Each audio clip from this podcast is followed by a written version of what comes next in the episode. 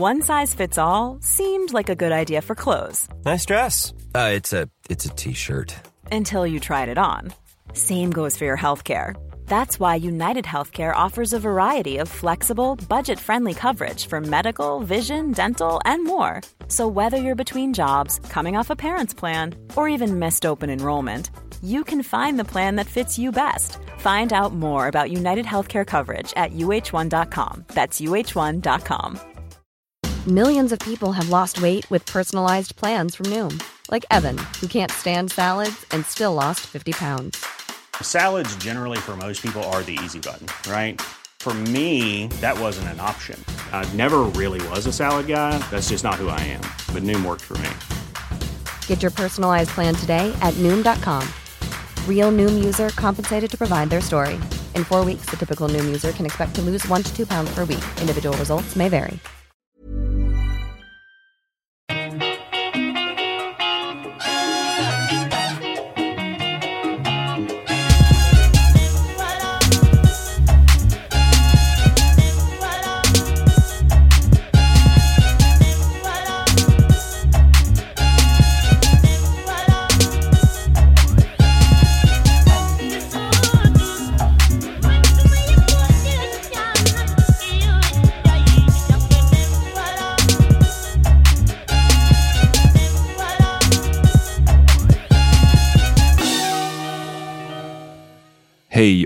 Välkomna till ett nytt avsnitt av Svart historia med mig Amat Levin. Som vanligt tar jag några sekunder att här i början påminna om att ni kan bli prenumeranter på patreon.com svarthistoria och få tillgång till bilder, kartor, reklamfria avsnitt och bonusepisoder. Tidigare i veckan släppte jag exempelvis ett bonusavsnitt om de som tror att svarta afrikaner var de första att inom citationstecken upptäcka Amerika och traditionen av afrocentrism de sållar sig till. Det är en rörelse med syftet att motverka förvanskning av svart historia, men som också tenderar att locka till sig konspirationsteoretiker. I förra veckans huvudavsnitt om Mansa Musa och det väldiga Maliriket nämnde jag Malis nationalepos eller origin story. Det är en muntlig legend som kallas för The Epic of Sunjata i den berättas om en lokal kung i det som idag är Mali och som inspirerad av en profetia skaffade barn med en otippad kvinna. Sonen fick namnet Sunjata och profetian sa att det här barnet i framtiden skulle bli en mäktig kung. Men som barn var Sunjata svagt och kunde knappt gå. Ännu värre var att det inte var Sunjatas mamma som var kungens första fru och den här frun var fast besluten att hennes son, Sunjatas äldre halvbror, skulle bli ny kung. Trots att pappan gjort det tydligt att han ville att Sunjata skulle bli kung valde den första frun att kröna sin egen son som ny härskare. Ensam och utsatt för både hat och hot tvingades Sunjata fly och söka skydd i ett grannland. Ungefär samtidigt började den ondskefulla Sumaoro Kante sitt erövringståg och när turen kom till Mali skickade befolkningen ett sändebud till Sunjata och bad honom att komma tillbaka. Sunjata samlade ihop sina allierade, återvände, besegrade Kanté och grundade därefter Malriket. För typ tio år sedan såg jag för första gången en artikel eller ett eh, reportage som försökte dra en röd tråd mellan The Epic of Sunjata och en av vår tids mest populära Disneyfilmer, Lejonkungen. Disneys Lejonkungen kom ut 1994 och var en massiv succé. Jag var ungefär åtta år gammal och jag såg den minst två gånger på bio, kanske till och med tre. Vanligtvis är det två verk som brukar anges som inspirationen för Lejonkungen. Den första och mer kontroversiella är den japanska mangaserien Kimba the White Lion som kom ut redan på 1950-talet och som blev en animeserie och film på 60-talet. Sen Lejonkungen släpptes har det periodvis kommit anklagelser om att Disney plagierat Kimba the White Lion. De som står för de här anklagelserna menar att eh, plagiatet syns i både handlingen och i vissa visuella element. Medan de som försvarar Disney menar att de här jämförelserna är överdrivna. Den andra inspirationen är William Shakespeares klassiska pjäs Hamlet som skrevs i skiftet mellan 15 och 1600-talet. Den handlar om den danska prinsen Hamlet som ska hämnas på sin farbror Claudius, en man som mördat Hamlets pappa och stulit tronen. Likheterna med Lejonkungen är rätt uppenbara. Men som sagt har det de senaste åren blivit vanligare att dra paralleller till The Epic of Sunjata. Och visst finns likheter även där. En prins som tvingas i exil, som i exilen växer sig stark och mäktig och som bor kvar utomlands och vänjer sig vid sin nya tillvaro, sitt nya liv, ända tills hans hemland hotas av en brutal tyrann och folket där vädjar till prinsen om att komma tillbaka. En prins som sedan återvänder, besegrar den brutala fienden och blir ny kung. Så har då Disney inspirerats av eller till och med stulit från den här väldigt gamla muntliga traditionen. De som argumenterar för det menar ungefär att Disney lånat friskt från Malis nationalepos utan att ge cred för det. Och det är ju inte en alltför långsökt anklagelse. Genom historien har vi ju massvis av exempel på hur västvärlden lånat, inspirerats eller stulit från svarta och afrikanska artister och konstnärer utan att kompensera dem för det. Men i fallet med Lejonkungen tror jag inte att man har något vattentätt case. I alla fall inte om det är ett regelrätt plagiat man anklagar Disney för. För trots likheterna finns det också väldigt många skillnader. I filmen är exempelvis Simba ett friskt barn som knappt kan vänta på att han ska få bli kung. Medan Sunjata beskrivs som en sjuklig eller till och med handikappad pojke som länge var rätt ointresserad av tronen. I Lejonkungen är det Simbas farbror Scar som är den stora skurken. Medan det i Sunjatas berättelse är hans styvmamma, äldre halvbror och framförallt den utländske erövraren Sumauro Kante som är antagonisterna. Att det finns vissa likheter mellan berättelserna är uppenbart men jag tänker att det är nästintill omöjligt att slå fast huruvida Disney ens var medvetna om den här muntliga traditionen eller om de, som är den mer vanliga förklaringen, helt enkelt inspirerades av Hamlet. Dessutom är berättelser om tronföljd, förräderi, avundsjuka syskon, hjältar som reser sig från botten och frigörelsekrig knappast unika, vare sig för Hamlet eller The Epic of Sunjata. Det går att hitta likheter mellan Lejonkungen och en mängd olika verk, berättelser och traditioner världen över. Vill man prata om Disneys roll i att stjäla från afrikaner är ett bättre exempel fallet med en av låtarna som sjungs i Lejonkungen.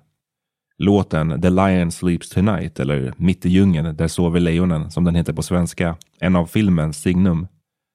Originallåten är gjord av Solomon Linda, född 1909 i Sydafrika. Han hankade sig fram med ett par olika ströjobb och sjöng även i en kör som hette The Evening Birds. Under 1930-talets sista år jobbade han med att packa ihop skivor i en studio som tillhörde Gallo Record Company. Ett av få skivbolag som fanns i det så kallade svarta Afrika på den här tiden. Där blev han upptäckt för sina egna sångtalanger.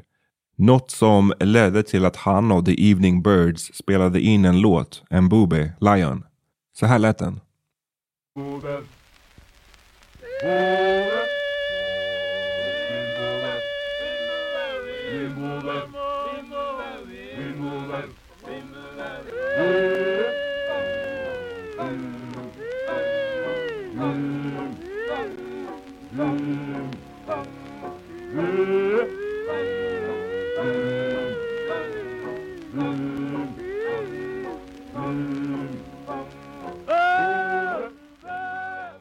Ni hör ju. Det är Solomon Linda som sjunger de höga tonerna över basrösterna.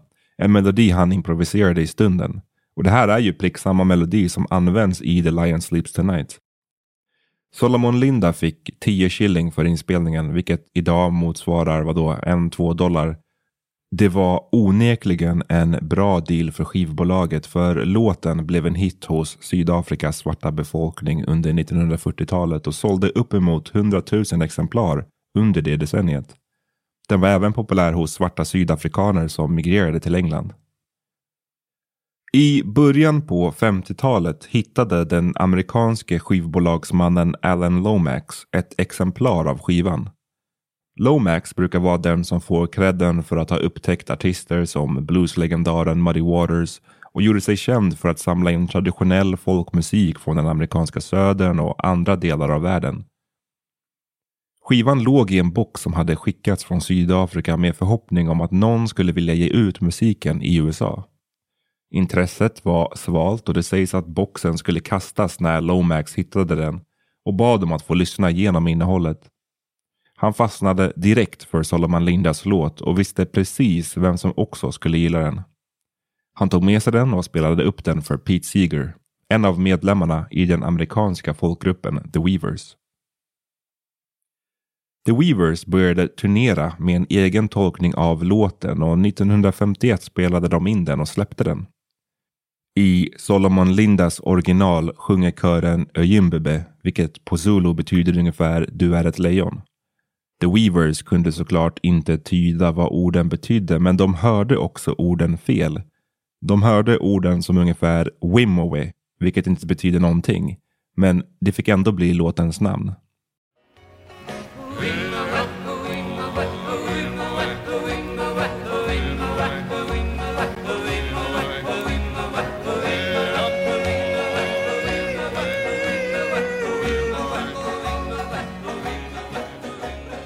Även den här versionen blev en hit och nådde Billboards topp 10-lista. Men Solomon Linda krediterades inte som låtskrivare. Originalmelodin och orden antogs bara vara en traditionell soloramsa som ingen kunde hävda att den ägde. Istället fortsatte nya versioner av låten att spelas in av andra band och artister, däribland The Tokens år 1961.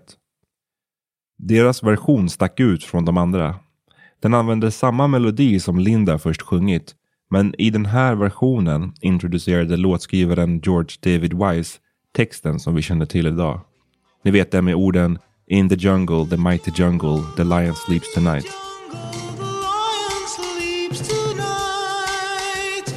Den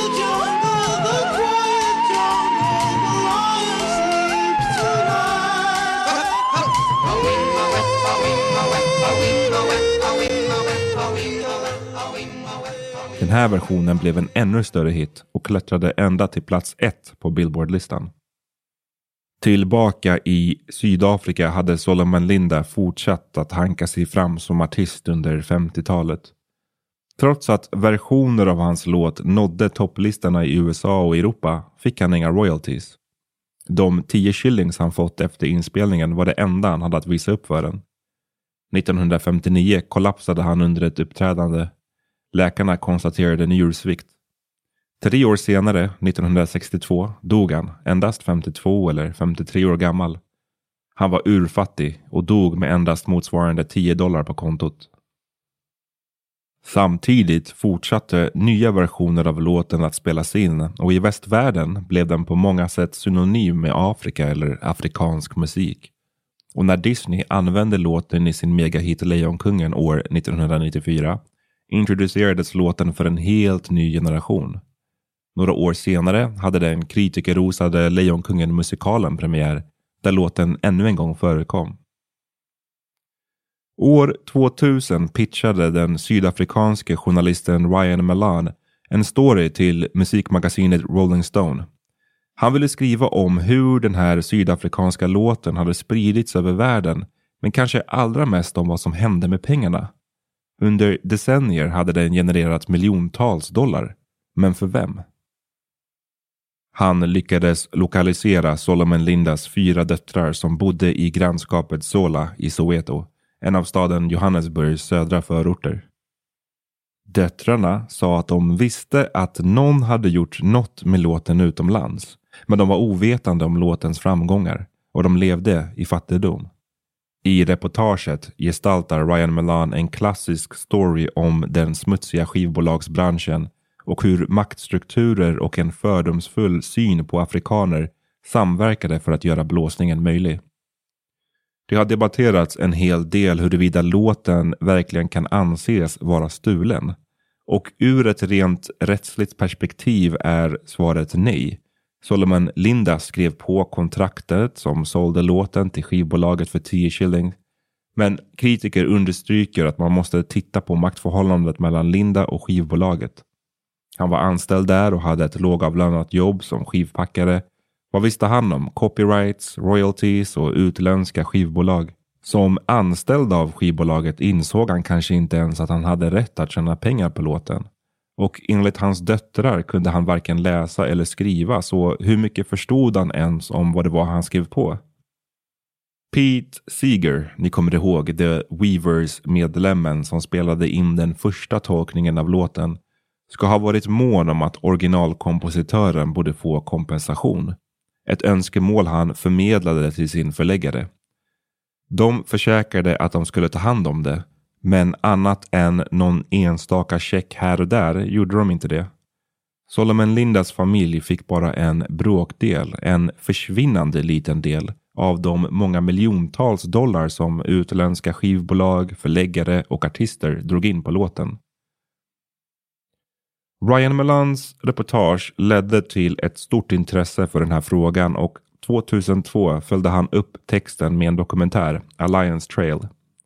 2004 stämde Solomon Lindas döttrar Disney för användandet av låten Lejonkungen och den stora mängden uteblivna royalties. Det var en riktig David och Goliat situation och det var även det som fick internationell media intresserad. Det gigantiska, multinationella och giriga Disney mot en svart fattig sydafrikansk familj. Det var en story som skapade rubrik efter rubrik. 2006, efter flera år av juridisk kamp, nådde parterna en förlikning. Solomon Lindas familj tilldelades en klumpsumma pengar samt en procent på framtida royalties.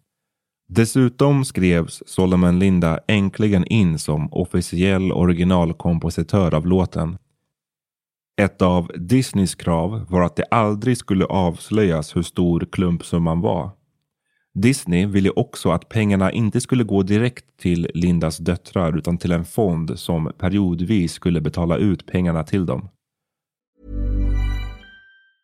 Hej, det är Ryan Reynolds jag är här med Keith, co-star of my upcoming film If, only in theaters May 17th. Do you want to tell people the big news?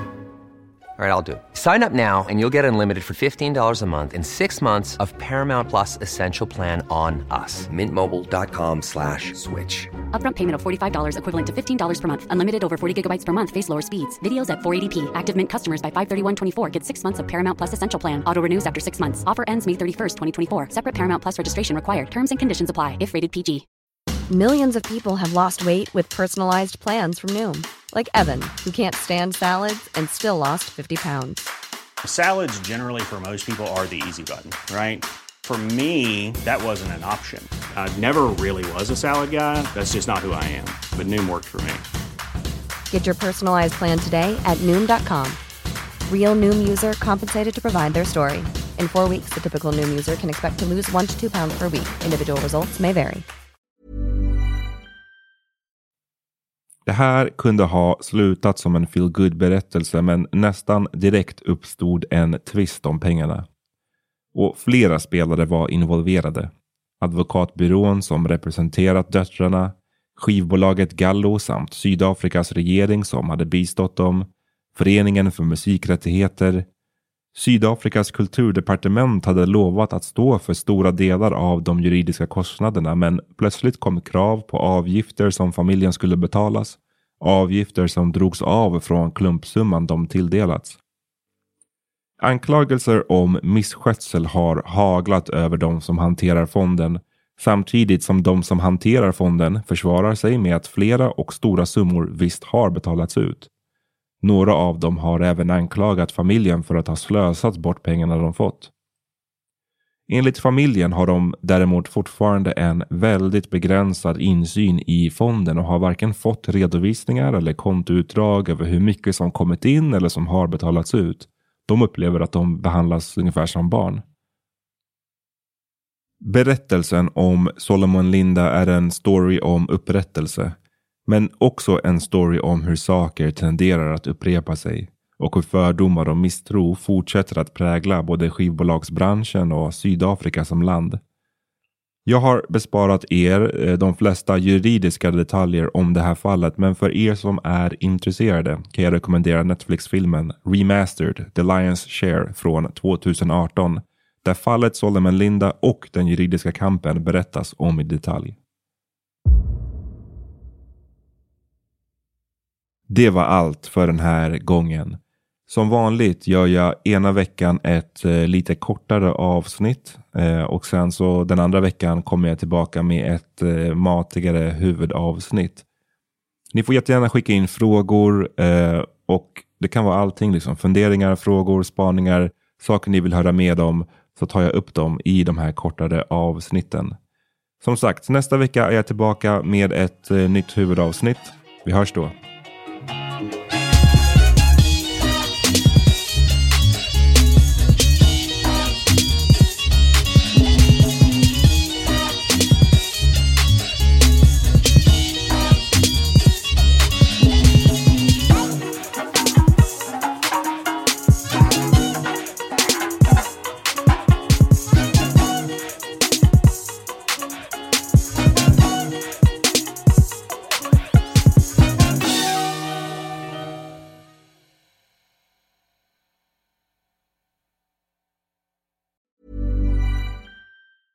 Hey, folks, I'm Mark Marin from the WTF Podcast, and this episode is brought to you by Kleenex Ultra Soft Tissues, your ally to help tackle your allergy symptoms this season. I love the change of seasons, but nobody loves pollen and all those other things floating in the air that make you sneeze during this nice weather. Kleenex Ultra Soft Tissues are hypoallergenic and allergist approved, so fight back against watery eyes and runny noses without worrying about irritating your skin. For this allergy season, grab Kleenex and face allergies head on.